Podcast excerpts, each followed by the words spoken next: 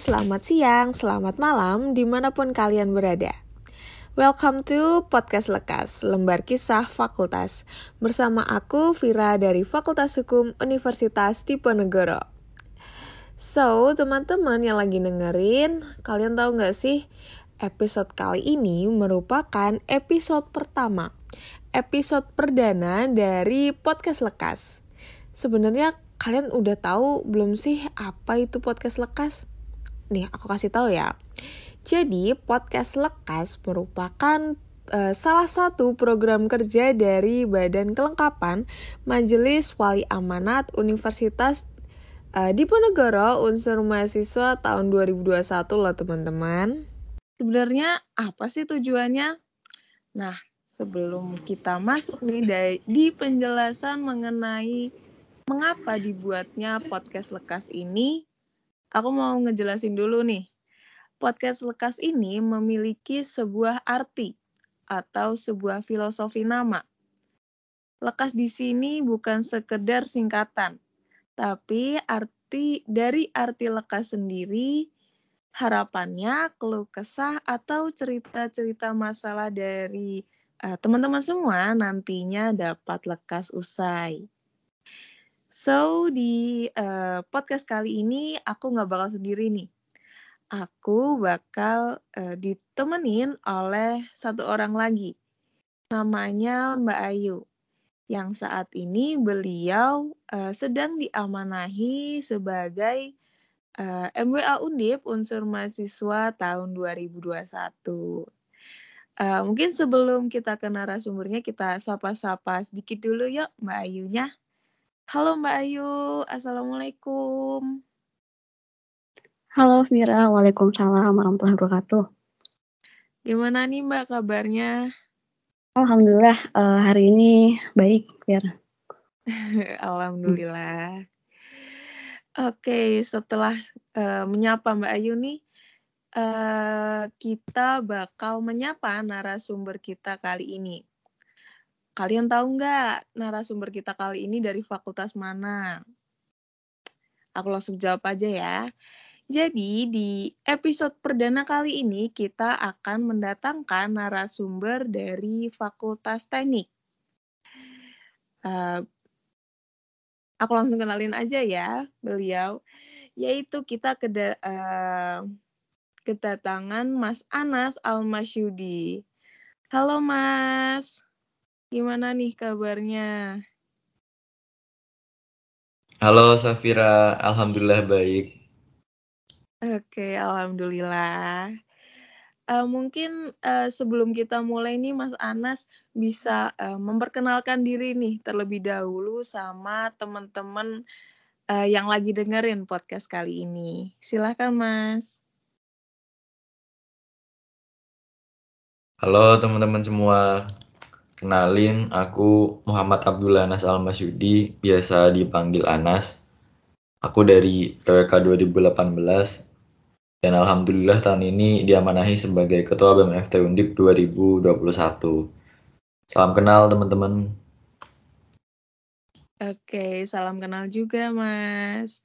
Oke, mungkin uh, kita cukupin dulu ya perkenalannya. Di sini kita bakal santai santai-santai aja, kita sharing-sharing dan juga, uh, tanya jawab. Jadi Mas Anas bisa tanya ke Mbak Ayu sebagai MWA Undip dan juga mungkin Mbak Ayu juga bisa ke tanya ke Mas Anas sebagai, uh, ketua BMFT saat ini. So, mungkin, uh, aku duluin dulu kali ya, uh, untuk, uh, nanya ke Mas Anas untuk pertanyaan pertama nih Mas. Uh, kan Mas Anas angkatan 2018 ya, yang berarti pernah nih ngerasain gimana rasanya perkuliahan secara online maupun offline. Jadi menurut uh, pendapat Mas Anas sendiri, gimana sih perbedaan antara perkuliahan offline maupun online di khususnya di Fakultas Teknik?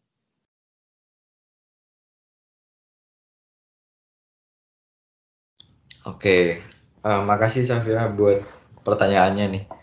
Ya kalau uh, di teknik sendiri tentu cukup berbeda ya, beda banget gitu yang aku rasain pas offline maupun online gitu. Uh, bedanya adalah mungkin teknik itu kan cukup luas ya, ada 12 departemen gitu. Jadi uh, sebenarnya ada ada sedikit perbedaan di tiap departemennya, tapi secara umum uh, yang paling aku rasain uh, anak teknik itu kan biasanya dalam bersosial mereka apa ya? Mereka melakukan sesuatu secara kolektif atau komunal gitu.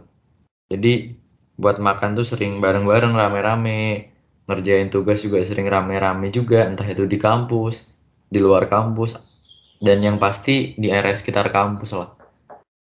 Nah itu beda banget gitu ketika keadaan online sekarang di masa PPKM ini yang kita dilarang untuk berkumpul apalagi perkumpulan tersebut uh, berkerumun gitu. Nah itu uh, beda banget di situ sih. Rasanya apa ya? Apalagi buat angkatan 2018 ke atas ya 2018 2017 yang udah sempet dua tahun ngerasain kuliah secara offline itu rasanya ada sesuatu yang hilang gitu.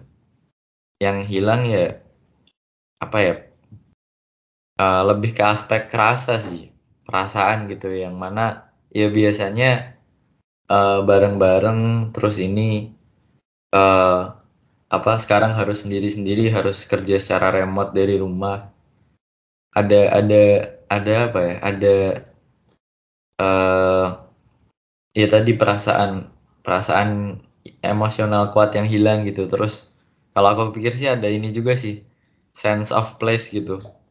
Uh, perasaan kita atau persepsi kita terhadap suatu tempat yang akhirnya hilang juga. Karena kalau dulu uh, offline ya apalagi di jurusanku tapi kayaknya di jurusan lain juga kurang lebih sama. Anak-anak teknik tuh sering ngerjain tugas di kampus gitu entah terutama untuk praktikum atau studio yaitu sering di kampus dan sering bergerombol gitu makanya uh, kesan terhadap tempatnya tuh dapet banget gitu. Dulu kalau pas zaman apa offline ya, apa ya jalan-jalan di kampus tuh seru banget lah. Atau kalau liburan tuh kadang pas ke kampus sepi gitu malah kangen kampus. Kalau sekarang sekarang kangen juga sih tapi ya gitu nggak ada temen nggak ada apa. Paling juga kalau ke kampus ketemunya kucing-kucing kampus yang lagi kelaparan kayak gitu sih. Secara kalau secara perasaan tapi kalau secara pembelajaran ya aku pikir emang gimana ya ya bedanya kerasa banget ya apalagi yang uh, teman-teman yang banyak praktikum di lab terutama ya dan studio gitu contoh ya kayak di PWK sendiri yang kita di mata kuliah studio itu sebenarnya ser, uh, ada ada ini ada observasi langsung ke lapangan gitu. Dan itu dilakuin satu semester itu empat minggu. Empat minggu di lokasi uh, studi bareng-bareng gitu seangkatan nah cuman gara-gara corona kayak gini ya itu nggak bisa terlaksana sih. Apalagi di angkatanku yang bener-bener studio yang harusnya itu jadi momen untuk apa ya saling mengenal lebih jauh antar angkatan dan bikin pro project bareng satu angkatan selama satu setengah tahun itu nggak bisa terlaksana. Pun teman-teman di teknik yang lain seperti teknik sipil teknik uh, perkapalan kemudian teknik kimia dan teknik-teknik lain yang mereka membutuhkan praktikum di lab juga banyak yang terkendala gitu. Teman-teman geodesi di awal-awal sempat agak terkendala cuman uh, setelah semester 6 kemarin kalau nggak salah itu mulai diperbolehkan gitu untuk melaksanakan pembelajaran secara hybrid. Makanya teman-teman kalau semester 6 kemarin sempat ke kampus kan sering lihat tuh uh, teman-teman yang pakai jaket oranye itu teman-teman dari geodesi lagi praktikum itu juga karena dari Kemendikbud sendiri ya udah memperbolehkan adanya hybrid learning Cuman nggak nggak nggak dibuka untuk semuanya gitu, khusus untuk praktikum aja dan itu pun tetap harus dengan protokol kesehatan yang ketat. Itu sih Safira. Oke Mas, uh, kita lagi ngomongin hybrid nih, sistem hybrid di Undip.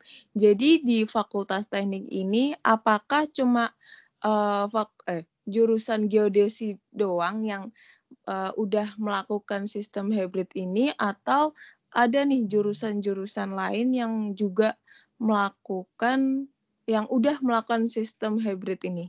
Gimana tuh, Mas? Ya, kalau setahu aku sih yang jurusan yang lain sepertinya juga ada ya, tapi emang lebih terbatas banget gitu.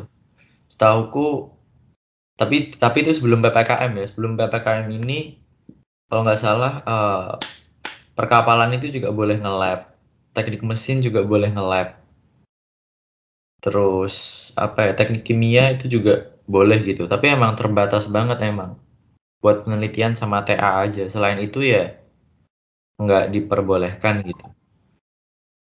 Gitu sih uh, setahu aku ya Tek kalau teknik komputer itu setahu aku remote juga dari jauh. Teknik sipil juga remote juga dari jauh. Teknik geologi itu juga masih belum boleh. Survei mereka juga ada survei pemetaan. Uh, batuan sepertinya ya setahu karena ilmu geologi kan membahas uh, dalam bumi ya sesuatu yang ada di dalam bumi gitu. Nah itu setahu juga belum ini belum boleh praktikum secara offline. Teknik elektro kayaknya boleh untuk beberapa hal ya. Praktikum TA kalau nggak salah atau penelitian gitu boleh. Terus TI itu aku kurang tahu persis gimana cuman uh, mereka mau ikut dari geodesi tapi dari departemennya nggak ngebolehin. Yang benar-benar secara terang-terangan ya geodesi sih. Gitu sih Vira oke oke uh, berarti sistem hybrid ini masih uh, kayak belum itu ya di jurusan masing-masing itu belum Uh, cuma mas maksud aku cuma dipakai untuk uh, tugas akhir dan juga uh, mungkin penelitian-penelitian yang penting gitu aja ya mas. Iya, kalau apa ya bahasa gampangnya emang tiap jurusan itu berbeda kebijakannya, belum belum hmm. merata gitu. Dan aku pikir uh, emang bener yang kamu singgung tadi masih terbatas banget, dibatasi banget gitu. Oke oke. Sebatas uh, untuk praktikum yang hmm. yang itu pun kalau departemennya nggak bolehin ya. Itu dan yang kedua untuk penelitian maupun uh, untuk mahasiswa yang sedang ini ya tugas akhir gitu. Itu sih. Oke. Uh, terus aku mau tanya lagi nih. Uh, kan Fakultas Teknik seperti yang udah disinggung sama Mas Anas tadi banyak nih melakukan uh, praktikum di uh, laboratorium.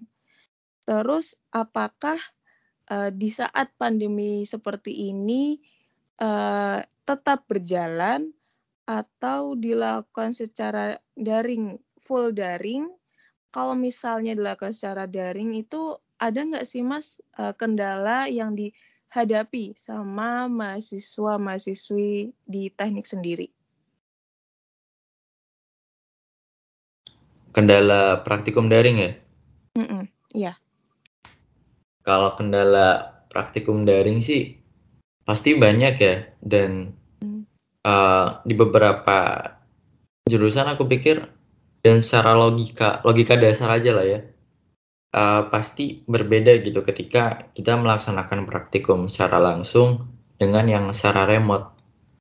Kalau untuk uh, tinjauan literatur untuk mempelajari secara teoritis seperti apa itu bisa memang. Kita nggak perlu ke kampus gitu tapi yang namanya praktikum itu kan uh, kita nggak tahu gitu kondisi uh, yang sebenarnya di lapangan gimana karena ada beberapa case yang praktikumnya itu kalau yang pakai aplikasi simulator itu masih agak mending ya. Tapi ada yang cuma dikasih video aja sama data sekunder. Nah bingungnya di situ gitu. Dan kalau ngomongin praktikum kan berarti ada keterampilan untuk mengoperasikan tools kan, pasti ada toolsnya kan. nggak mungkin dong praktikum tanpa tools gitu.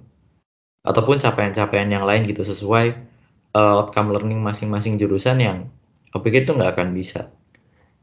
Didapetin kalau secara uh, online. Ya contoh gini aja. Uh, kalau di jurusanku PWK uh, kita biasanya ada survei dan observasi ke lapangan untuk ngumpulin data gitu. Nah kompetensi untuk menjadi seorang surveyor itu kan akan berbeda sekali kalau secara offline maupun online gitu. Ketika offline, kita akan dapat kompetensi gimana cara kita observasi lapangan secara singkat gitu. Gimana kita bisa lebih memanajemen waktu sebenarnya emang latihan manajemen waktunya uh, main banget gitu. Ada yang di waktu jam segini sampai jam segini kita observasi lapangan di waktu jam segini sampai jam segini kita uh, sebarin kuesioner jam segini jam segini kita wawancara dengan beberapa narasumber ahli dan tokoh masyarakat gitu. Nah, nah itu sih yang yang yang nggak dapet sih kompetensi-kompetensi yang seperti itu apa ya? Lebih ke soft skillnya sih yang yang kurang dapet. Hard skill pun juga sebenarnya kurang juga sih karena uh, online ini ya.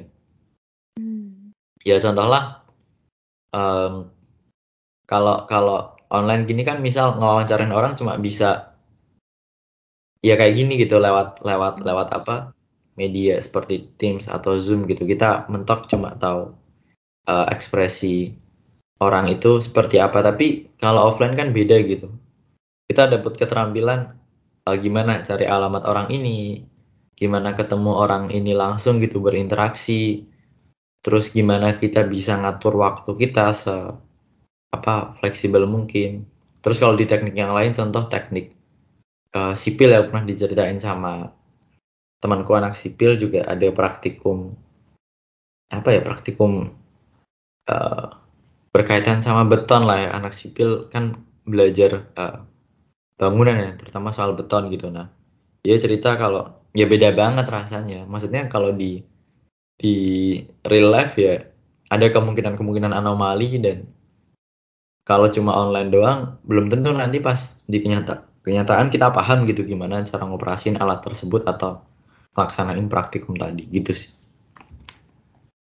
Oke, uh, karena kita bahas praktikum nih, kan pasti uh, nggak luput dari uh, fasilitas penunjang dari praktikum-praktikum tersebut, seperti kayak uh, mungkin laboratoriumnya, alat-alat praktek, atau mungkin, uh, perpustakaan atau, uh, ya seperti dan lain sebagainya nih. Terus di, uh, Fakultas Teknik sendiri apakah, uh, fasilitas-fasilitas penunjang pembelajaran tersebut, uh, kayak udah tersedia dengan baik belum sih, Mas?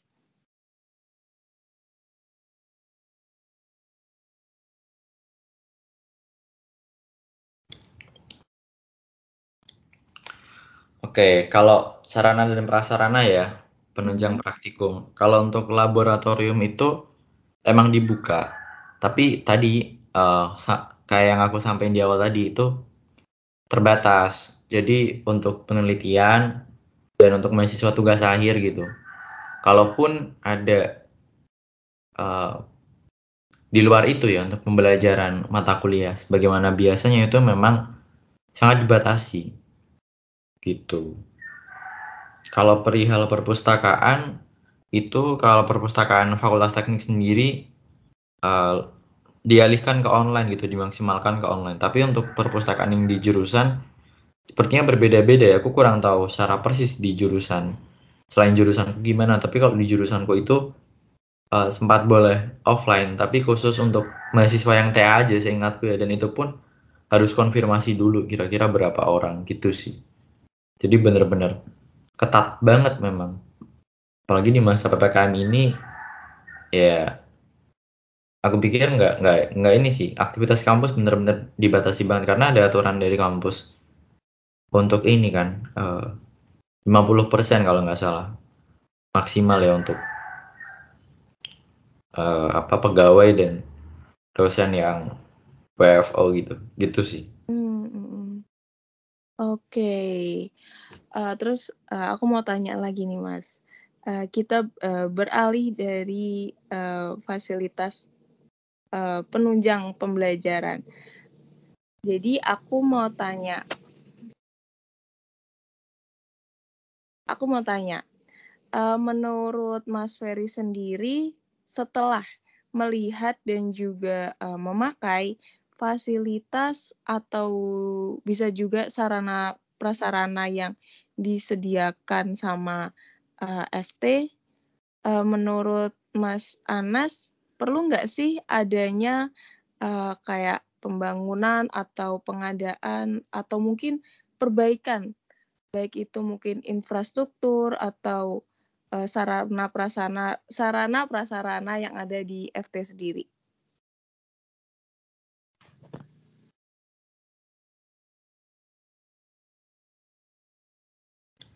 Ya kalau ngomongin sarpras, uh, tentu FT butuh banget ya sarpras, terutama teman-teman yang kuliah di gedung kuliah bersama di GKB lah.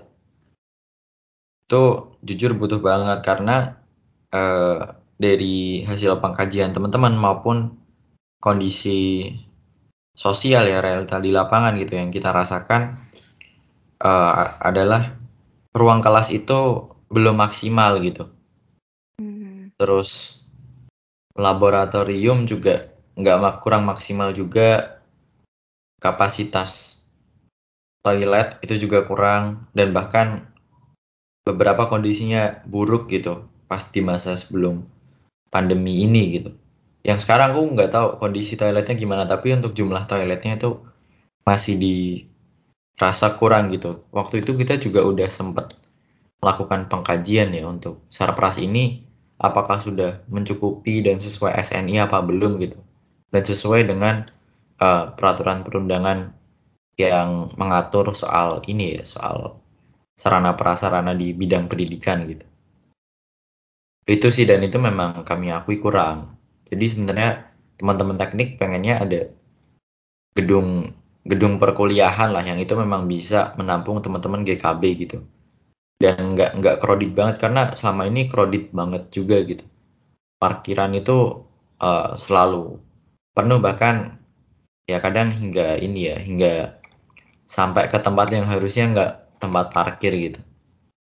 Makanya kami berharapnya di masa pandemi ini yang secara uh, gamblang kita nggak merasakan sarana prasarana perkuliahan ya harusnya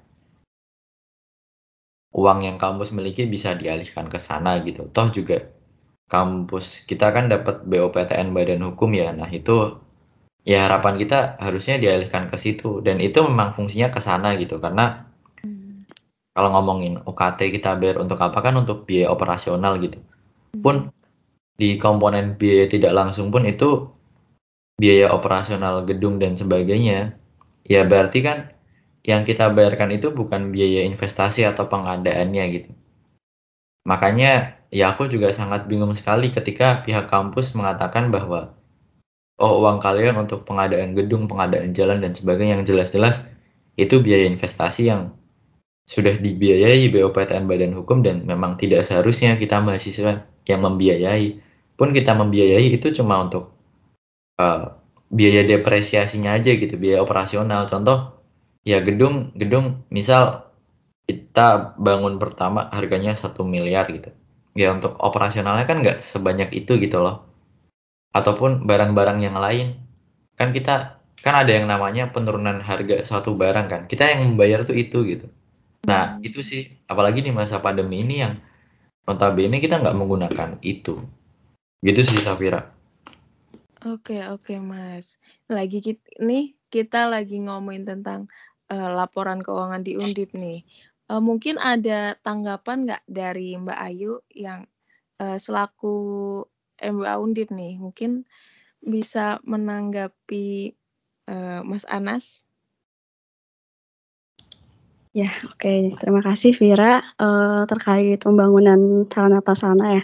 Uh, jadi itu kemarin tuh kita udah ada laporan keuangan nih, Nas terkait apa saja sih yang digunakan untuk uh, selama 2020 kemarin uh, dana yang masuk digunakan untuk apa dan bisa dilihat itu dana terbesar adalah untuk biaya dosen atau pegawai dan juga ada uh, biaya yang besar untuk pembangunan infrastruktur. Kemudian ketika ditanyakan uh, seperti apa pembangunan infrastruktur yang dilakukan di fakultas. Nah, kalau di dari rektor, uh, pihak rektorat menjawab uh, akan ada fakultas untuk peningkatan sarana prasarana terutama untuk penunjang akademik gitu Nas.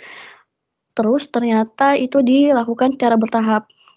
Bertahap ini maksudnya tiap tahun ada fakultas yang difokuskan untuk uh, didahulukan melakukan pembangunan seperti itu dan uh, kemarin itu FT salah satu yang disebutkan.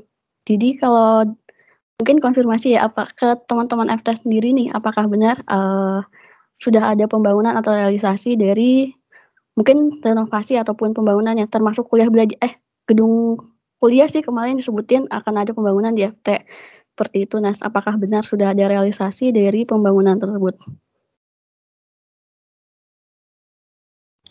Kalau ditanyain uh, mungkin aku nanggapin sedikit dari Mbak Ayu ya. Uh, yang pertama soal apa biaya dari dosen paling tinggi. Nah itu sebenarnya kemarin aku juga sempat ikut audiensi gitu tertutup yang bareng rektorat maupun dekanat yang sebenarnya aku juga nggak menghendaki itu tapi ya udahlah. Uh, karena ya udah terjadi lah teman-teman BEM Undip waktu itu ngundang dan ngundang apa ya minta minta inilah minta audiensi tertutup tadi yang sebenarnya kita nggak nyepakati tapi ya udah buat pembelajaran teman-teman BEM Undip juga nah dalam audiensi tersebut rektor mengatakan bahwa pengeluaran kita banyak mas gitu untuk pembiayaan dosen dan dosen kita banyak yang non PNS gitu. Nah sebenarnya ini pun juga menjadi sebuah pertanyaan besar gitu. Pertanyaannya ya kalau menurut PP nomor 26 tahun 2015 uh, tentang pendanaan PTN Badan Hukum ya gaji mau gaji dosen non PNS dan tendik itu ya udah dialokasiin ke sana gitu makanya ini jadi pertanyaan apa apakah emang Undip yang nggak bisa memenuhi kontrak kinerja dari kementerian karena uh, ini kan untuk pencairannya kan Bayu juga tahu lah untuk pencairan BOPTN Badan Hukum kan harus ini ya harus memenuhi kontrak kinerja dari menteri gitu. Apakah emang dari Undip ini yang nggak bisa memenuhi atau memang dari pemerintahnya yang ngasihnya kurang? Nah ini jadi sebuah pertanyaan yang nggak terjawab gitu. Bahkan kemarin ketika audiensi ya itu nggak nggak terjawab juga karena nggak ada yang tanya. Dan aku pun juga karena udah tertutup aduh ini udah udah pastilah jawabannya diarahin ke mana. Jadi aku pikir eh, nggak uh, usah nggak usah dijawab aja lah ya gitu sih. Itu kalau masalah uh, menurutku alasannya nggak jelas gitu kalau ngomongin biayaan besar ke sana dan uh, apa? Itu itu yang bikin UKT kita kemudian bengkak gitu. Bikin bikin BKT-nya bengkak. Kalau BKT-nya bengkak kan otomatis UKT-nya juga uh, bengkak kan ya. Nah itu sih aku mempertanyakannya uh, di situ sih. Itu dan aku pun juga mikirnya apa ya um, pun, pun sebenarnya aku juga agak agak agak nggak sepakat sih kayak gaji dan tunjangan tenaga kependidikan ataupun tunjangan tambahan ke dosen itu yang harus membiayai mahasiswa gitu maupun perjalanan dinas. Karena yang harusnya kita biayai ya yang berkaitan dengan operasional pembelajaran langsung pun termasuk komponen pengembangan institusi ya di biaya tidak langsung seperti penyusunan rencana strategis, RKAT, operasional senat, pengembangan koleksi perpus dan lain-lainnya aku pikir itu juga aku nggak sepakat juga karena ya pengembangan institusi berarti itu kan uh, untuk untuk institusinya gitu bukan bukan secara langsung itu berkaitan dengan operasional pembelajaran. Nah itu sih yang menjadi menjadi sebuah uh, pertanyaan dan menurutku itu yang luput dari sistem UKT sih. Gitu sih terus kalau pembangunan di FT gimana apakah ada kabar-kabar atau konfirmasi? Nah sebenarnya kalau di FT sendiri, kabar yang paling terbaru itu ya pembangunan lab terintegrasi yang katanya itu sedang disusun DED uh, Detailed Engineering Design dari gedung tersebut dan dokumen-dokumen lainnya. Cuman secara jelas dan utuhnya kita juga belum dapat. DED-nya juga belum dapat, terus gambaran uh, gedungnya ini bakal gimana belum dapat. Cuman kemarin ada yang menarik dari audiensi dengan rektorat ada namanya ini di hub University Hub gitu. Di antara teknik elektro dan teknik mesin yang katanya itu bisa jadi tempat makan dan tempat belajar gitu. Aku, gak lupa. Nah itu aku jujur ya kurang sepakat juga karena teman-teman di GKB lebih membutuhkan kenapa bikin seperti itu gitu. Dan menurutku kalau kita kembalikan ke UU Dikti filosofi pendidikan tinggi di Indonesia seperti apa ya untuk mewujudkan uh, suasana dan proses pembelajaran yang yang apa ya kalau di kalimat panjangnya dia sesuai uh, dapat membentuk keterampilan mahasiswa dan sebagainya gitulah. Ya ya itu sih aku aku makanya uh, ngerasanya ini ya melihatnya apa kok jadi jadi apa ya jadi bisnis banget gitu. Mindsetnya cuman kalau di kaitin bisnisnya apakah itu apa menunjang pembelajaran? Ya itu menurutku kurang sih. Bahkan enggak gitu karena dari mana kita mendapatkan suasana belajar dan proses pembelajaran yang baik gitu agar kita bisa mengembangkan potensi kita kalau untuk sekedar gedung perkuliahan tempat di mana kita belajar kemudian perpustakaan kemudian sarana seperti toilet, kemudian um, dan dan dan hal-hal yang lainnya itu kita kita nggak nggak nggak apa ya nggak dapat gitu. Pun aku juga merasa bahwa undip undip peraturan rektor nomor 10 tahun 2016 tentang sumbangan pengembangan institusi dan biaya studi di undip aku pikir Eh, nggak uh, tepat gitu. Ada di salah satu pasal aku lupa di pasal berapa. Yang pasti di situ ada ketentuan bahwa Undip melegalkan pungutan selain SPI dan UKT yang aku pikir adanya SPI aja itu udah bertentangan dengan semangat UKT untuk kita yaudah nih mahasiswa cukup biayain operasional dan satu komponen aja nih dan itu itu itu dilanggar sama Undip gitu ya. Sebenarnya pemerintah melegalkan ya pungutan selain itu. Ya enggak sepenuhnya salah Undip salah pemerintah juga. Ini aneh juga kenapa dulu di 2013 mencanangkan uh, kebijakan ini dan akhirnya nggak ada bedanya dengan kebijakan uh, uang pangkal dan SPP sebelumnya. Toh juga sekarang pada akhirnya udah uh, apalagi yang UM ya teman-teman UM udah bayar udah UKT-nya otomatis golongan tertinggi masih bayar SPI KKN masih bayar sendiri. Dan biaya-biaya lainnya yang mana itu sebenarnya dilegalkan oleh Undip gitu. Makanya jadi harusnya bisa jadi refleksi kritis untuk kita semua bahwa harusnya kalau emang mau satu sistem pembiayaan tunggal yang harapannya pembiayaan tadi bisa diawasi oleh dikti dan kementerian ya benar-benar harusnya terlaksana seperti itu gitu. Namun kenyataan di lapangan ternyata enggak itu sih uh, sedikit pendapatku Mbak Ayu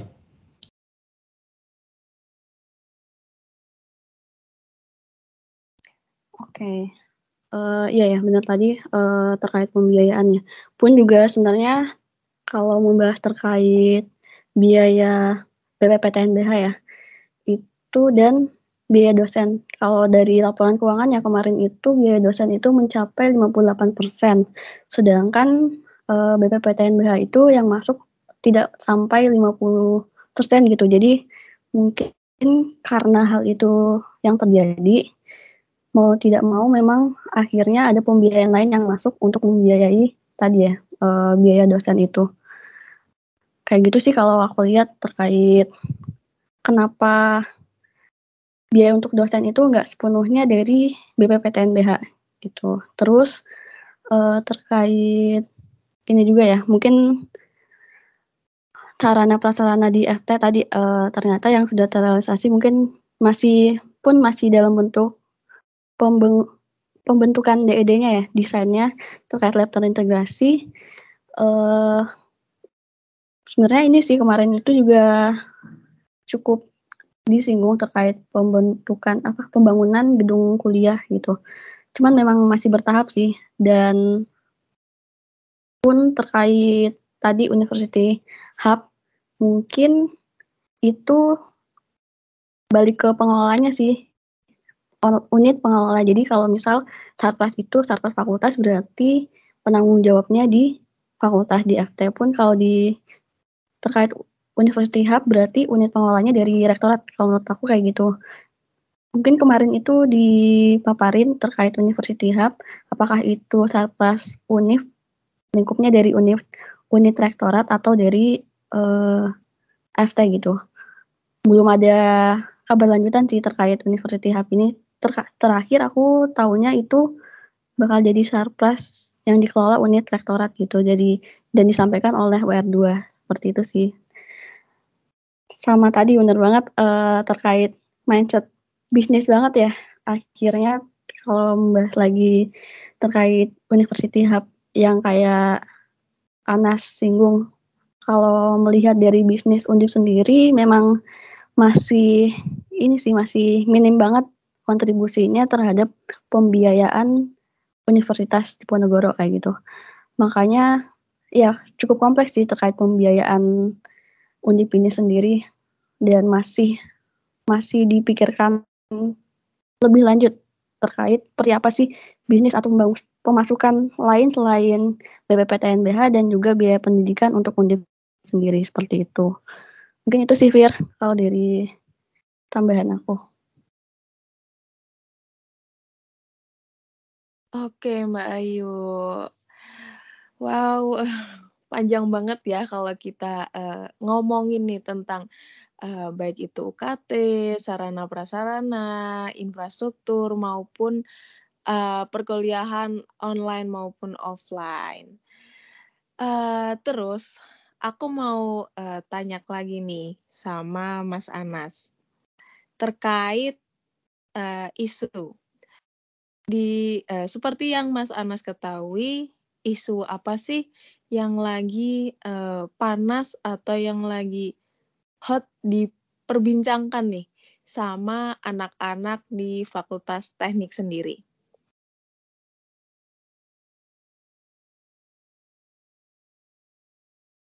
Oke, ini pertanyaannya udah kayak pertanyaan ibu-ibu gosip. Ya kalau isu isu sebenarnya siapa dulu nih isu banyak ya. Tapi ya udah deh kalau apa ya kalau sekarang ini sih sebenarnya yang lagi rame ya kalau ini dikaitin sama uh, eh, MWA dan dan dinamika saat ini ya isu tentang biaya pendidikan lah gitu sih. Dan aku pun mengamini bahwa sedikit gitu anak teknik yang yang benar-benar paham ya maksudku paham dan mempelajari masalah pendidikan tinggi gitu. Kebanyakan ya pahamnya di masalah biaya pendidikan itu pun masih secara permukaan gitu. Permukaan itu gimana maksudnya? Ya mereka cuma paham kalau oh UKT ini mahal kita nggak dapat pembangunan seperti ini. Terus Banyakan yang lainnya itu uh, solidaritas mekanik sih. Apa ya solidaritas mekanik itu yang aku pelajari dari uh, teorinya uh, Emil Durkheim bahwa semisal nih kita gampang gini, semisal kita lagi ada aksi gitu kan. Aksi hmm. misal menolak kedatangan Prof Yos, aduh canda, jangan. misal menolak uh, apa ya? Misal menolak kenaikan BBM ya misal. Nah, hmm rame-rame tuh nah terus ntar ada nih uh, orang yang uh ngapain tuh rame-rame wah gue ikutan lah gitu ikutan aksi keren nih nah kayak gitu-gitu tuh hmm. beberapa beberapa juga ada eh, orang-orang yang sebatas solidaritas mekanik seperti itu yang dalam artian sebenarnya solidaritas mekanik itu ya kecenderungan untuk kita melakukan sesuatu tanpa melihat sebenarnya sesuatu apa sih yang sebenarnya dibawa di di kelompok itu gitu atau yang sebenarnya dituntut dari kelompok yang yang sedang melakukan uh, aksi atau apa pun itulah intinya. Itu sih. Uh, di teknik kecenderungannya kayak gitu. Yang lagi hot ya tadi biaya pendidikan terus mungkin yang baru-baru ini ya ya itu sih sejauh ini ya yang lagi hot sama um, mungkin kayaknya Safira harusnya tahu deh. Apa tuh mas? Waduh masa nggak tahu berarti nggak ngikutin Undip Main Fest ini. Apa ya? Apa tuh bisa bisa kasih tahu aku nih? Waduh nggak perlu deh kayak.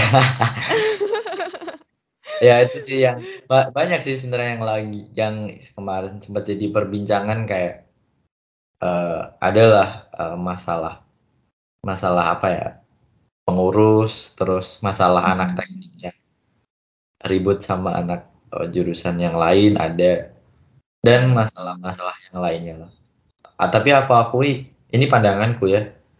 Um, secara umum sih ya ya emang perhatian anak teknik terutama untuk isu pendidikan tinggi itu masih minim lah. Hmm. Aku nggak ya aku nggak tahu kenapa apakah mungkin ini efeknya karena nggak pernah disinggung di kaderisasi atau gimana itu mungkin bisa jadi salah satu faktor ya. Hmm. It, it, itu sih uh, perbincangan-perbincangan masalah pendidikan tinggi kayak gini tuh di teknik masih sangat jarang. Dan aku pikir harusnya ini dibumikan karena ini berkaitan langsung dengan kita kan?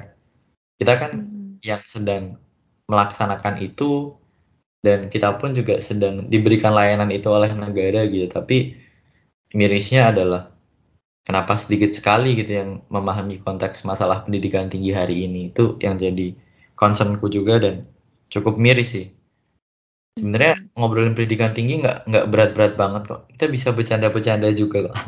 Ya itu ini lah sambil, sambil sedikit narasi satir-satir gitu kan enak gitu. Gitu sih uh, uh, apa siapa uh, Safira yang hot di teknik oh ya selain pendidikan tinggi itu pembelajaran sih. Soalnya hmm. tadi uh, secara kita kita kita apa ya uh, punya sense of place lah gitu punya sebuah kesan terhadap satu tempat. Karena dulu emang kita biasa di situ gitu. Biasa ngapa-ngapain di kampus ngapa-ngapain bareng-bareng gitu di area sekitar Tembalang. Jadi hmm. kangen aja gitu. Gak bahasa gampangnya apa? Kangen gitu. Kalau orang pacaran apa ya? Kita udah lama LDR gitu kan. Udah dua tahun aku nggak ketemu kamu gitu. Pasti kangen lah gitu kan. Pengen pengen gitu balik lagi deket lagi bisa jalan keliling kota bareng bisa makan makan bareng. Ya sederhana itu sebenarnya. Oke oke. Wow. Uh, isu-isu isu yang sangat uh, kompleks sekali ya bagi anak anak-anak fakultas teknik. Terus uh, aku mau nanya lagi nih tentang um, mungkin dari singgung juga tentang uh, pendidikan nih. Seperti yang uh, mungkin teman-teman pendengar tahu dan juga mungkin uh, Mas Anas juga tahu, Undip kan ada uh, Undip akan menuju uh, world class university. Jadi menurut uh, tanggapan Mas Anas sendiri dari uh, Fakultas Teknik sendiri udah belum sih um, kayak teknis uh, untuk uh, me, me,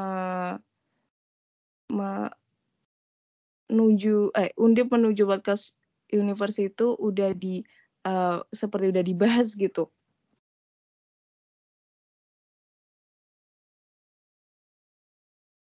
Dibahas di mana dulu nih? Di tongkrongan atau di mana? Uh, boleh di tongkrongan, baik boleh juga uh, mungkin dari dekanatnya udah uh, mungkin uh, membahas juga tentang uh, di FT sendiri gitu. Hmm, ya kalau ngomongin world class university ya, mm-hmm. kalau di tongkrongan sih itu masih jarang ya. Tongkrongan hari ini itu lebih asik mengobrolkan Okin Zara kayaknya daripada ngobrolin kelas university ya. iya, soalnya aku juga bingung gitu. Ya. Maksudku ya ini kita maksudnya santai lah ya ini obrolan santai gitu kan apa kenapa masalah privasi Okin Zara aja bisa seram itu tapi masalah WCU ini kayak orang-orang asing gitu selain asing aku pikir banyak yang terlena dengan label label WCU ya. Uh, karena sebenarnya WCU itu kan uh, apa ya? Dia dia adalah proyek perankingan universitas yang waktu itu indikatornya digagas oleh QS QS dan the THE uh, Times Higher Education sebuah majalah yang apa mendeskripsikan perguruan tinggi lah yang sebenarnya kalau dari aku sendiri memandangnya uh, agak kita sebenarnya kita perlu mengkaji lagi gitu metodologi yang disusun oleh QS dan uh, majalah The ini apakah relevan gitu karena kita nggak bisa apple to apple membandingkan dan memaksa situasi pendidikan tinggi di negara maju dengan kita yang ada di negara berkembang gitu. Karena akan akan sangat timpang gitu. Nah, hmm. dampaknya adalah uh, kita kita uh, pada ini cuma mengejar itu kan indikatornya banyak banyak kan uh, terkuantifikasi ya kuantitas gitu. Nah, aku pikir hmm. yang membuat kampus-kampus itu jadi terlena uh, dengan yang namanya kuantitas, kemudian tidak tidak memikirkan yang namanya kualitas gitu. Dan kemudian kampus kampus-kampus ini juga melupakan yang namanya proses karena berkembang itu kan sebuah proses ya. Nggak mungkin dong tiba-tiba pendidikan di negara kita itu lantas bisa setara uh, kualitas pendidikan tingginya dengan negara maju gitu. Itu udah udah. Emang emang kita harus mengejar ke sana tapi bukan berarti kita melupakan yang namanya proses ini dan kemudian terburu-buru gitu. Ya kalau dari pandanganku dan teman-teman tongkronganku sih WCU ini kalau nggak disikapi dengan baik itu justru akan menimbulkan masalah baru. Hmm. ya tadi eh, kayak yang aku sebutin dan um, WCU ini dari beberapa literatur juga membebankan membebani dosen banget gitu. Karena dosen itu dipaksa ngeluarin beberapa karya ilmiah kalau nggak salah harus hmm. harus bikin jurnal terindeks Scopus dan sebagainya target kuantitatifnya tuh banyak banget gitu. Dari itu menimbulkan banyak masalah juga. Ada ada masalah uh, apa sih penjahat citasi terus penjahat jurnal dan sebagainya gitu gitulah. Mm-hmm. Ya ya itu sih tanggapanku soal WCU dan mahasiswa lagi-lagi sering apa ya sering ini sih um, terlena gitu uh, mereka mereka cuma melihat world class university-nya tapi nggak melihat dampak lain dari world class university ini. Contohnya dampaknya ya WCO ini juga berdampak, ini juga menjadi dalih kampus untuk melakukan uh, komersialisasi pendidikan gitu. Dalam artian ya aku akuin emang pendidikan emang uh, butuh pembiayaan tinggi, namun harusnya beban beban lebihnya itu bukan ke mahasiswa gitu, bukan ke warga negara tapi ya ke negara sendiri. Karena ya ada ada yang namanya yang aku pernah baca-baca ya uh, neighborhood effect gitu. Efek tetangga maksud apa ya hmm. kayak efek domino gitu. Contohnya um, ketika seseorang warga negara itu terdidik maka dia juga akan membantu uh, untuk membuat satu negara tersebut maju gitu karena seorang yang terdidik, apalagi lo pendidikan tinggi kan pasti pola pikirnya beda banget kan, sama uh, apa yang masih ada di jenjang SMA atau pendidikan dasar lah, pasti berbeda banget. Nah karena feedbacknya itu banyak ke negara ya harusnya negara yang lebih banyak membiayai gitu. Kalau dari pandanganku uh, gitu, gitu sih. Jadi kita jangan terlena ke WCU-nya aja, tapi kita juga perlu kaitin gitu secara uh, secara ini komprehensif uh, dari segi apakah memang pembiayaan kita cukup untuk ke sana, terus kapasitas dari masyarakat Indonesia kita gimana, kondisi sosial budaya. Nah, itu perlu perlu sangat-sangat untuk dipertimbangkan. Aku sebenarnya khawatirnya adalah akhirnya kampus itu uh, bukan lagi tempat apa ya kehilangan kehilangan jati dirinya gitu. Jadi pada akhirnya um, orang-orang orang itu melihat kampus tidak lebih dari sebuah brand. Bukan bukan aku masuk ke kampus karena aku ingin belajar ilmu ini gitu. Tapi aku masuk kampus ini karena ini bagus gitu world class. I love world class. Sangat keren. Kelas dunia. Tapi kita nggak melihat apakah dia benar-benar world class gitu. Pasti Safira juga mempertanyakan Undip ini beneran world class gak sih? Kok SSO-nya sering error? Ya itu itu pembicaraan tongkrongan ya. Undip ini world class nggak sih? Kok siapnya nggak siap gitu? Siapnya kadang error waktu kita KRS-an bareng-bareng servernya. Undip ini world class nggak sih? Kok bisa datanya bocor gitu? Terus Undip ini um, world class nggak sih kok? Masih ada ruang kelas yang yang nggak terawat. Ya itu itu makanya uh, aku pikir jangan terlena ke situnya sih. Dan yang aku takutkan lagi juga um, apa ya orang tuh akhirnya dia berpendidikan itu bukan karena ingin ingin kalau kalau kalau pandangan ideologi liberal adalah ingin liberal yang klasik ya. Uh, meningkatkan kompetensi diri ataupun ada kalau kaum utilitarian ada inilah manfaat yang diperoleh publik atau kalau kaum um, Marsian dia beranggapan bahwa um, pendidikan ini ya untuk untuk inilah untuk perjuangan kelas gitu.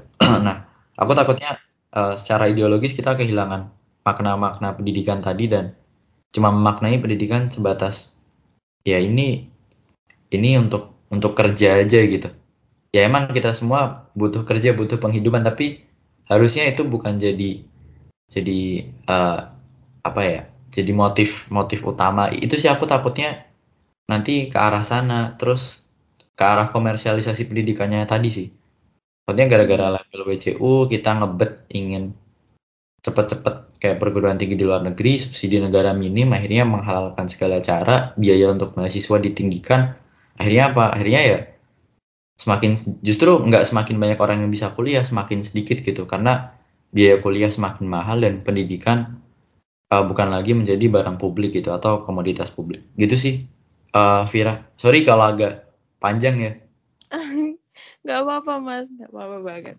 Kan uh, itu kan uh, udah nih pandangan dari Mas Anas. Terus mungkin uh, dari uh, jajaran dekanat FT sendiri, udah belum sih ada uh, teknis uh, persiapan uh, untuk adanya WCU ini? Mungkin seperti uh, student exchange atau um, uh, mendatangkan dosen dari luar atau mungkin seperti itu udah ada belum sih di Fakultas Teknik sendiri?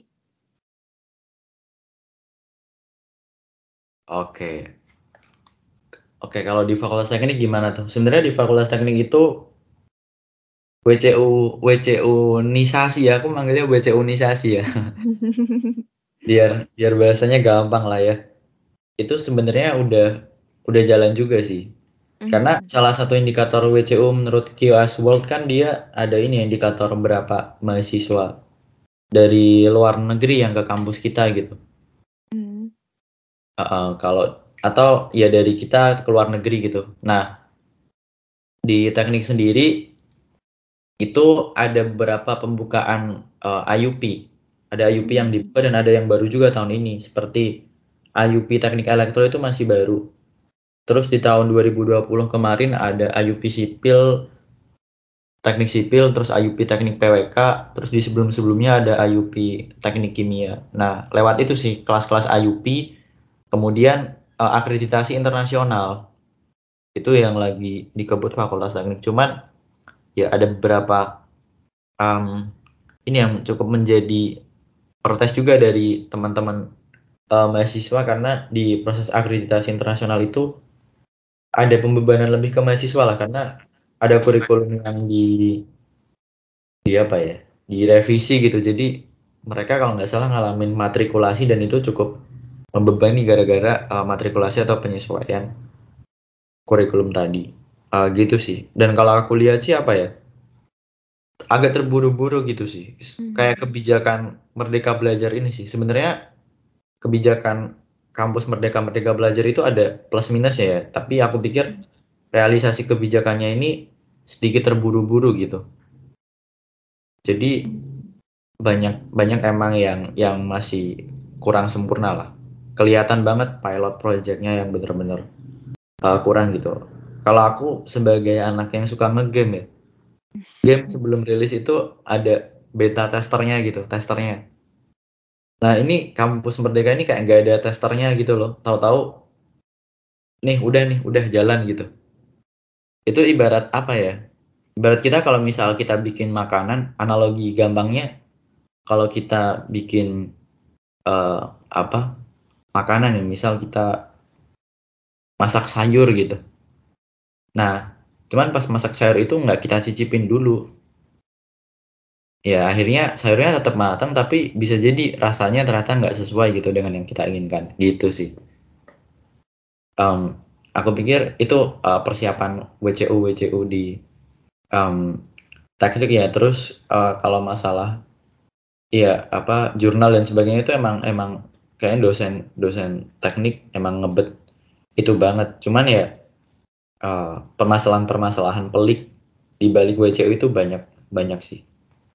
Untuk hal-hal yang sederhana aja kayak um,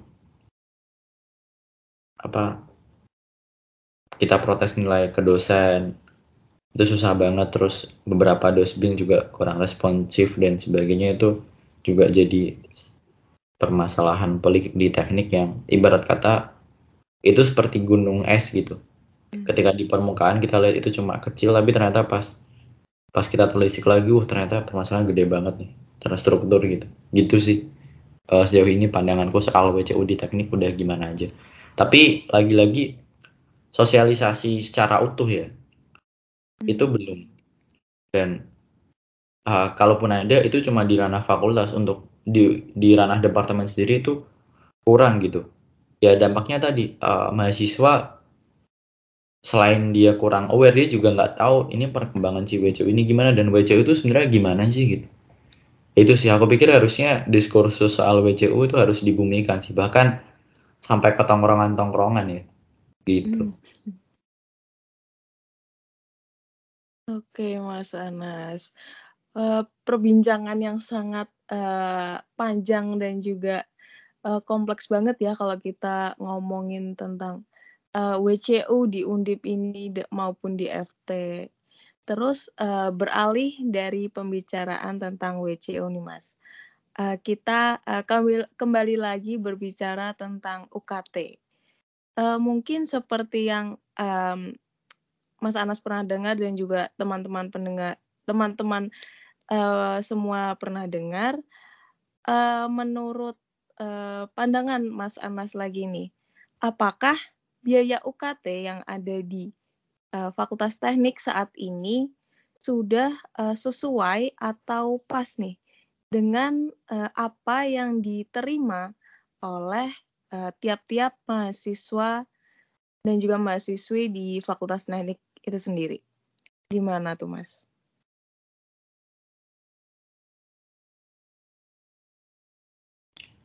Ya kalau UKT kita apakah sudah sesuai, ya aku pikir aku akan selalu menjawab enggak gitu. Kenapa? Karena nggak ada transparansinya. Karena uh, transparansi ini yang dimaksud bukan transparansi nominal UKT kita berapa, tapi unit cost atau komponen dari UKT tersebut gitu, yang hingga saat ini kita pun bertanya-tanya gitu.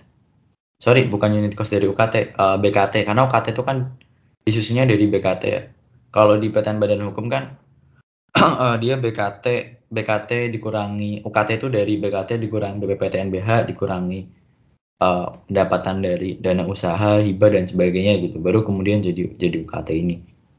Dan UKT ini pun juga sorry BKT ini pun kemudian juga diusulkan dulu ke uh, Kemendikbud ya dikonsultasikan gitu kan kita PTNBH nah uh, konsultasi ini sebenarnya kata yang cukup tricky gitu. Trikinya adalah ya bisa jadi ya udah nih, ini BKT kita uh, Pak Nadim.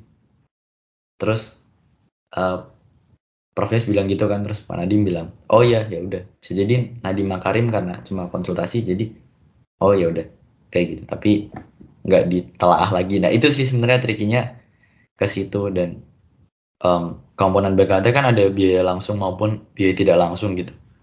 Nah itu sampai sekarang kan kita nggak nggak pernah tahu uh, transparansinya seperti apa. Makanya selama belum ada transparansi dua komponen tadi aku akan selalu bilang ini nggak sesuai gitu. Karena um, nggak kita nggak nggak apple to apple dong ketika ngomongin ini sesuai dan nggak sesuai cuma dari apa yang kita rasakan gitu. Aku pikir itu cukup uh, subjektif dan nggak uh, rasional ya gini aja deh uh, ketika kita di ormawa aja kita kalau kalau misal mau bikin event atau sesuatu program itu kan ada RAB-nya gitu, ada dananya jelas itu. Jadi kita bisa tahu oh ini dananya buat ini ini ini ini. Oh ini buat gini gini. Pertanggungjawaban ke publiknya juga jelas. Oh ternyata dananya kali ke sini gitu. Bahkan untuk diberi dibelikan plakat pun juga seperti itu gitu. Tapi beda cerita dengan UKT gitu. UKT kita nggak tahu kan uang kita ini apa gitu. Biaya biaya operasional yang kita bayarin ini rinciannya habis berapa. Nah, nah ini yang yang cukup aneh. Makanya selama tidak pernah ada transparansi, aku pikir uh, nggak sesuai. Itu sih kalau dari uh, pandangan ke Safira apalagi hmm. ya KKN masih bayar. Sebenarnya pemerintah juga melegalkan itu ya, nggak cuma salah di salah pemerintah juga.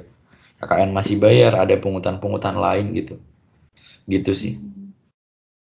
Oke. Okay. Uh, terus aku mau nanya lagi nih, kan, uh, banyak nih mahasiswa yang, uh, bilang, uh, "Kan kita lagi pandemi, uh, UKT-nya dipotong dong, UKT-nya minta diskon dong." Uh, kan ada tuh mahasiswa yang, uh, celetuk kayak gitu. Terus, uh, menurut pandangan Mas Anas sendiri, uh, apakah, uh, celetukan-celetukan tersebut, uh, merupakan hal yang sah-sah aja atau uh, hal yang lumrah di um, diomongkan uh, uh, oleh mahasiswa gitu mas ya kalau ngomongin celutukan tadi aku pikir lumrah ya dan mm. um, harusnya ya undip dan pemerintah tahu gitu kondisi pandemi ini gimana gitu makanya kemarin uh, teman-teman BMKM UNES kan sempat ngajuin upaya litigasi terhadap Permendikbud 2520 karena dia nggak ada bedanya sama Permendikbud Dikti yang sebelumnya gitu. Jadi nggak ada bedanya antara aturan yang dibuat masa sebelum pandemi dan pas masa pandemi. Aku pikir sah saja karena secara komponen itu udah jelas banget kalau sebenarnya banyak yang dipangkas gitu. Hmm. Ya operasional aja deh. Kita operasional uh, gunain apa sih selama kuliah ini? Tahu juga kita dapatnya uh, PPT dan ceramah dosen tambahan video kalau dosen bikin video ya dan uh, yang undip sediain apa MS Teams selain itu nggak ada em emang kita uh, kalau secara komponen biaya langsung yang berkaitan dengan pembelajaran kita langsung orang praktikum di teknik aja banyak yang uh, online gitu. Berarti kan dia nggak perlu pakai alat-alat. Nggak perlu uh, apa pakai pakai pakai yang yang yang apa yang lainnya gitu. Ya meskipun terkait insentif dan sebagainya itu emang emang tetap ya. Dan biaya perkuliahan yang lain gitu. Ya ya itu sih uh, kalau dari komponen biaya langsung tapi kalau biaya tidak langsung seperti terkait dengan perjalanan dinas emang ada perjalanan dinas masa PKM gini. Terus uh, ini pengoperasian dan pemeliharaan dia lebih ke pemeliharaan sarpras ya perbaikan gedung uh, utilitas jalan dan sebagainya. Uh, itu kan kita kita nggak pakai gitu wifi. Air kampus emang kita pakai gitu enggak kan? Bahkan aku yakin teman-teman ya daripada teman-teman mandi di kampus pasti lebih suka mandi di kosan sendiri kan atau kosan ya makanya itu cuma bayarnya kok masih masih penuh. Ini kan udah udah nggak relate lagi gitu. Terus apalagi kayak biaya operasional yang lain lah itu juga hampir berkurang. Contoh pelatihan dosen dan tendik pelatihan online gini habis biaya berapa sih? Orang nggak pakai gedung cuma pakai Teams atau Zoom Zoom Premium juga nggak mahal-mahal amat bahkan Zoom gratis pun juga bisa kalau akun yang baru tuh dapat gratisan unlimited itu makanya aneh gitu Kalau ngomongin karena inflasi, inflasi seberapa banyak sih? Rata-rata inflasi itu kan paling setahun naik 1 sampai 2 persen. Dan itu pun juga dibebankan ke banyak orang gitu. Gitu sih, nggak cuma dibebankan ke satu orang. Makanya aku pikir celetukan seperti itu lumrah dan harusnya pemerintah mempertimbangkan ini karena nggak semua orang itu digaji bulanan. Terutama mereka yang menggantungkan uh, hidupnya pada pasar ya. Hmm. Yang pekerja di sektor informal apalagi tuh kedampak banget. Uh, pedagang ped apa pedagang-pedagang gorengan. Contoh ya. Terus Eh, orang-orang yang ya dagang di jalan lah yang punya ruko-ruko di jalan di pasar-pasar itu bayangin lah mereka omsetnya turun seberapa ya kebetulan orang tua aku juga uh, ya ibuku juga wirausaha gitu dan ya aku akuin aku juga kedampak banget jujur mm. pendapatan dari keluarga berkurang banget gitu ya ya untuk untungnya ayahku digaji bulanan sih untungnya masih itu mm. cuman ya uh, kerasa lah gitu bedanya uh, sebelum di masa pan pandemi ini. Nah, itu sih harusnya pemerintah mempertimbangkan itu apalagi uh, tujuan kalau di dikti kan udah jelas maupun di statuta Undip kalau mempertimbangkan pemerataan pendidikan. Kalau mempertimbangkan pemerataan berarti akses pendidikan harus semakin dipermudah dong, semakin terjangkau gitu. Nah, gimana aksesnya bisa terjangkau kalau biayanya aja udah tinggi? Gitu sih. Ibarat kata uh, sederhananya aja mana ya kita pengen semua orang itu misal makan nasi padang gitu yang harga ya pengen makan nasi padang. Tapi gimana semua orang bisa makan nasi padang? Kalau nasi padang itu harganya misal satu porsi lima ratus ribu rupiah gitu. Mm-hmm. ya, ya apakah seorang uh, pedagang nas nasgor atau mungkin gojek aja deh? Gojek sekarang kedampak banget tuh. Yang dia mungkin penghasilan sehari-harinya cuma 50 ribu atau 30 ribu sehari. Misal nasi padang ini harga 50 ribu, ya gaji dia sehari itu cuma bisa buat makan nasi padang sekali. Nah ini ini loh yang yang luput kadang dari dari uh, anak analisa kita gitu. Ya pasti pemerintah bilang biayanya tinggi banget buat ini itu. Tapi pertanyaannya ya aku pikir alternatif solusi itu banyak gitu. Tinggal ada nggak sih kemauan politiknya? Ya yang yang ban bansos saja bisa dikorupsi gitu maksudnya kenapa kemauan politiknya selalu negatif gitu hmm. daripada bansos ini lo korupsi kan mending jadi subsidi pendidikan lebih baik kan. Banyak warga negara yang pintar bisa bantu kemajuan negara gitu bayangin aja kalau pendidikan itu aksesnya mudah aku yakin Indonesia emas itu bukan bukan bukan hal yang nggak mungkin gitu kita nggak perlu mikirin mungkin nggak ya mungkin nggak ya tapi probabilitas untuk tercapainya itu udah 70% lebih lah kalau pendidikan ini emang bisa diakses semua orang gitu. Kita akhirnya bisa bisa jadi kita melampaui Finlandia. Finlandia kenapa bisa maju ya? Karena pendidikan dia gratis gitu bahkan sampai ke pendidikan tinggi. Meskipun pajaknya tinggi tapi rakyat dapat feedback yang jelas. Ya di Indonesia sendiri aku pikir ini kayak apa ya? Aku sepakat dengan uh, celotukannya Cak Nun lah. Cak Nun atau siapa ya? Ada yang bilang kalau di negara ini kita uh, ada yang bilang gini deh di negara uh, China yang dia pemerintahannya uh, ideologinya komunis tapi pemerintahnya totalit otoriter ya. Uh, kita nggak boleh kritik negara tapi kita dijamin negara gitu. Terus di Amerika kita nggak dijamin negara tapi kita bebas berbicara. Nah di Indonesia kita nggak bebas berbicara tapi ya hidup juga cari sendiri ya. Ya itu nggak nggak ada jaminan hidupnya gitu sih uh, apa um, mirisnya di kita itu sih pendapatku Oke, Mas Anas. Uh, kan kita udah uh, mendapat nih uh, pandangan dari Mas Anas. Mungkin Mbak Ayu ada tanggapan nih tentang uh, terkait uh, baik itu UKT maupun isu-isu uh, yang uh, sedang kita uh, hadapi nih saat ini? Gimana tuh, Mbak? Eh, terima kasih Vira. Soalnya, kalau dari aku ya, tadi paling ini sih terharu banget sama teman-teman FT yang rasa kekeluarganya tuh ada banget emang dan memang itu terlihat banget ya dari luar pun tanpa teman-teman FT bilang kita tuh kekeluargaan tapi itu emang benar-benar terlihat banget gitu kekeluargaan teman-teman FT dan uh, kekompakannya karena juga emang ngeliat sendiri ya dari teman-teman aku yang di FT benar-benar kebersamaannya tuh ada tuh di teman-teman FT dan cukup ya wajar banget ketika ternyata saat pandemi teman-teman FT juga kerinduan itu ada gitu. Nggak cuman ke teman-temannya tapi juga ke kampus tempat-tempat tongkrongan untuk ngobrol-ngobrol bareng sama teman-temannya. Ternyata itu juga dirindukan sama teman FT teman-teman FT ya. Itu sangat wajar banget dan ya pasti ada ya. Cukup terharu tadi dengar ya uh, dari anak ya keren banget sih. Terus uh, terkait ini sih kalau tadi juga sudah disinggung sama Anas ya terkait UKT dan uh, pandemi yang berdampak di segala sektor. Nggak cuma mungkin ekonomi rakyat ataupun pun juga di segala sektor sih sektor uh, pun pemerintah dan juga kampus tidak tidak lain gitu.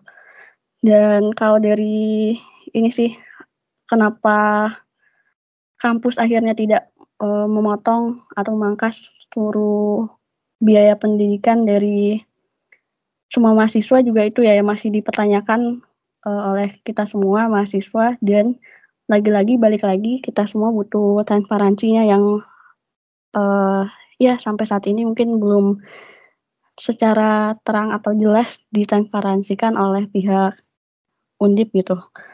Terus uh, eh, UKT oh ya terkait yang terdampak pada akhirnya memang tadi ya kalau dari jawaban rektorat kenapa tidak memotong karena ada peraturan yang uh, membatasi hal tersebut peraturan BPK dan sebagainya gitu. Terus juga sistem yang dipakai ya terkait penganggaran kegiatan dan uh, pembangunan di Undip ataupun di perguruan tinggi itu menggunakan sistem RKT yang uh, mungkin acuannya juga di sentra ya pembangunan jangka panjang jangka pendek dan itu juga diatur sebelum adanya sebelum dijalankan gitu. Jadi makanya mungkin dari situ juga makanya dianggap tetap gitu. Mungkin harusnya di perencanaan awal juga direncanakan bahwa ada yang ya kita tahu juga ya pandemi sudah memasuki tahun kedua di 2021 ini harusnya ada perencanaan terkait pemangkasan biaya-biaya operasional di Undip sendiri dan akhirnya UKT bisa mengikuti gitu. Tetapi ah, pada akhirnya kebijakan yang dikeluarkan adalah adanya kebijakan banding atau penyesuaian UKT bagi seluruh mahasiswa. Nah, kalau di FT sendiri gimana sih Nas eh, penerapan kebijakan banding UKT ini? Apakah sudah sesuaikah menurut teman-teman di FT atau masih ada syarat yang memberatkan ataupun hanya sebuah ya seenggaknya ada kebijakan gitu yang dikeluarkan? Gimana Dina? Kalau menurut teman-teman FT? Iya, uh, kalau menurut teman-teman FT terkait dengan eh tapi ini aku mau nanggapin dikit um, um, Mbak Ayu sih apa sebenarnya um, apa ya masalah BPK tuh udah jadi permasalahan lama lah dan kalau dari pandanganku ya emang korupsi itu ada enam jenis ya nggak nggak cuma merugikan keuangan negara tapi kalau kita berpikir kembali apakah ketika kita membantu uh, uh, warga negara itu merugikan keuangan negara gitu? Kalau secara filosofis di situ terus ya aku pikir asalkan laporan hmm. keuangannya itu secara detail dan rinci ya BPK juga nggak akan mempertanyakan lagi kok. Itu sih cuman itu selalu menjadi narasi tameng yang dibawa oleh rektorat lagi-lagi. Um, terus kalau masalah kebijakan uh, banding gimana kalau di FT sendiri? Nah kalau di FT sendiri karena banding kan emang case by case ya uh, kebijakannya Undip ya. Nah kalau di FT itu ya emang ada uh, penurunan uh, UKT untuk beberapa mereka yang mengajukan banding, tapi ada beberapa yang nggak lolos itu. Biasanya emang karena berkasnya sih secara administratif yang kurang lengkap sih Mbak Ayu. Dan apa ya? Aku jujur yang yang ikut sidang banding itu teman-teman kesma aku gitu. Aku uh, belum pernah sebenarnya ikut sidang banding UKT di teknik. Jadi yang aku tahu secara general sih seperti itu. Tapi emang ada beberapa uh, yang apa ya kayak dialihkan gitu karena ada beberapa yang nggak lolos banding karena nggak lolos administrasi ada entah yang luput entah yang gimana uh, entah ada masalah dengan keluarganya sehingga nggak bisa melengkapi berkas tersebut itu biasanya dialihkan ke penyesuaian atau dialihkan lewat mekanisme-mekanisme yang lain. Cuman dari kita sendiri, uh, teman-teman teknik, ya apa pun itu tetap berusaha inilah jangan sampai ada teman kita yang putus kuliah lah gitu gitu sih uh, Mbak apa Mbak Ayu apalagi ya Mbak Ayu juga paham lah uh, solidaritas di teknik kan kuat banget ya jadi kalau misalnya ada satu orang yang ketahuan kayak gitu bahkan ini nggak tahu kalau di uh, jurusan yang lain ya atau di angkatan kalau di angkatanku ya kita berusaha buat gimana nih nih cara orang ini kuliah apakah kita buat proposal bareng entah nanti kita minta tolong ke ormawa atau mungkin atas nama angkatan atau atas nama yang lainnya sih atau bahkan iuran per angkatan gitu. Ya itu sih kemarin pun juga uh, teman-teman teknik uh, juga dari dulu sebenarnya sih itu ada dana setiap kawan itu dana uh, teman-teman uh, iuran satu teknik buat bantu teman-teman yang kesusahan buat bayar kuliah sih. Udah dari lama sih ada mekanisme itu. Itu sih Mbak Ayu.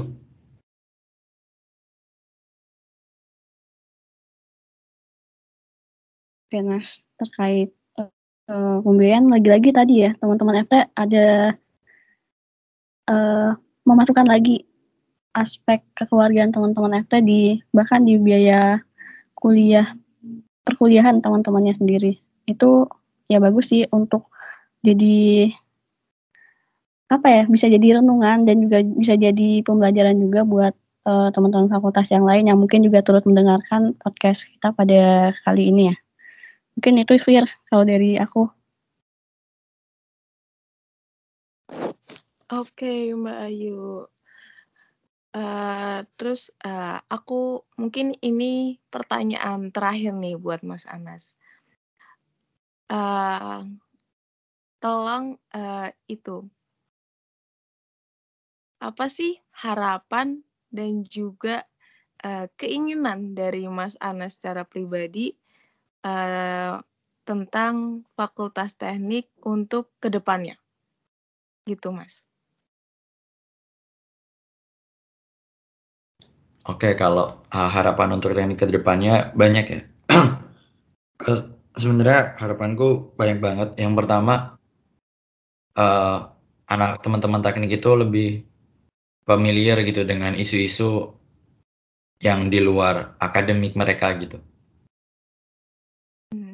entah itu isu di internal kampus maupun di eksternal kampus terutama aku pikir isu pendidikan tinggi gitu obrolan-obrolan pendidikan ini pendidikan tinggi ini ya kita normalisasi gitu. Karena kadang-kadang ada orang yang beranggapan bahwa termasuk anak teknik ya ngapain sih ngobrolin kayak gini? Ribet banget. Padahal itu sebenarnya nggak ribet tapi kita aja yang nggak mau mengobrolkan itu gitu. Kalau ngomongin ribet ngobrolin Okin Zara ciuman itu lebih ribet. Sumpah.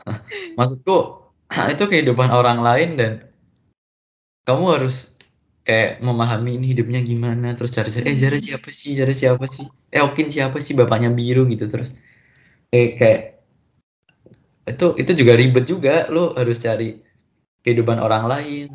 Terus lo pelajarin itu dan itu nggak ada kaitannya sama lo juga gitu. Kalau kita berkaitan dengan asas uh, kebermanfaatannya ke kita tentu lebih bermanfaat ngobrolin pendidikan tinggi dong. Karena itu berkaitan dengan kita langsung gitu kan. Itu sih aku pengennya ke sana. Terus yang kedua uh, aku pikir uh, yang yang yang jadi concernku juga ya solidaritas kita itu nggak sebatas solidaritas uh, jurusan gitu yang dikuatkan tapi satu teknik apalagi undip aku pikir nggak tahu emang trennya trennya ini udah zaman sekarang kita tuh bersolidaritas ya udah nggak lepas dari apa ya pas dari belenggu identitas gitu loh. Hmm. Iya, jadi emang udah nggak ada nggak ada batasan-batasan aja makanya ya kalau aku kaitin sama pergerakan anak-anak zaman sekarang ya kita sering bergerak atas nama secara kolektif tanpa satu pimpinan utama gitu. Jadi ada desentralisasi kekuasaan lah yang intinya kita menghendaki kesetaraan di situ gitu. Yang aku lihat sih gitu. Terus harapan selanjutnya ya kalau dalam pergerakan ataupun menanggapi sesuatu apa pun itu nggak inilah nggak berdasarkan hanya solidaritas mekanik gitu tapi ya uh, kita paham gitu apa yang sebenarnya konteks yang kita perjuangkan atau kita bicarakan gitu. Karena kalau aku memandang ya uh, karena aku uh, berpandangan bahwa ketika kita melakukan sesuatu tanpa konteks atau tujuan yang jelas itu nggak rasional gitu. Itu sih uh, dan menurutku ketika kita udah nggak rasional dan nggak objektif ya itu aneh. Pada akhirnya kita akan kehilangan. Anehnya adalah kita nanti akan kehilangan alasan gitu kenapa kita melakukan sesuatu tersebut gitu dan uh, jatuhnya kita akan hanya membuang-buang waktu, pikiran dan tenaga untuk sesuatu yang bahkan kita tidak tahu itu apa atau tujuannya apa. Itu uh, harapanku untuk teknik dan semoga um, keluargaan teknik bisa semakin kuat, uh, teman-teman teknik bisa semakin terbuka juga untuk budaya-budaya di luar sana. Terus pandemi ini bisa segera usai dan uh, fakultas teman-teman fakultas teknik maupun uh, teman-teman di Undip bisa berkumpul bersama lagi lah di kampus Tembalang. Itu sih uh, sedikit harapanku, Vira. Oke, Mas Anas. Semoga aja harapan dan juga uh, keinginan dari Mas Anas ini bisa uh, terkabul secepatnya. Uh, so teman-teman uh, yang udah dengerin podcast lekas uh, episode perdana ini karena uh, kita sudah di penghujung acara, aku mau ngucapin banyak-banyak terima kasih buat uh, Mbak Ayu dan juga Mas Anas yang udah nemenin aku nih dari awal sampai akhir, udah sharing-sharing, udah ngobrol-ngobrol uh, santai tentang uh, is baik itu isu-isu permasalahan yang ada di Fakultas Teknik. Uh, aku juga mau uh, ngikuti eh juga mau ngingetin buat uh, teman-teman semua pendengar uh, podcast lekas buat uh, jangan lupa dengerin uh, podcast lekas edisi uh, selanjutnya karena hanya di uh, podcast lekas ini kalian uh, mendapat informasi-informasi yang penting dari fakultas-fakultas uh, kesayangan kalian yang pastinya itu uh, bermanfaat buat kalian semua. Sekian dari aku. Wassalamualaikum warahmatullahi wabarakatuh. Dadah semua.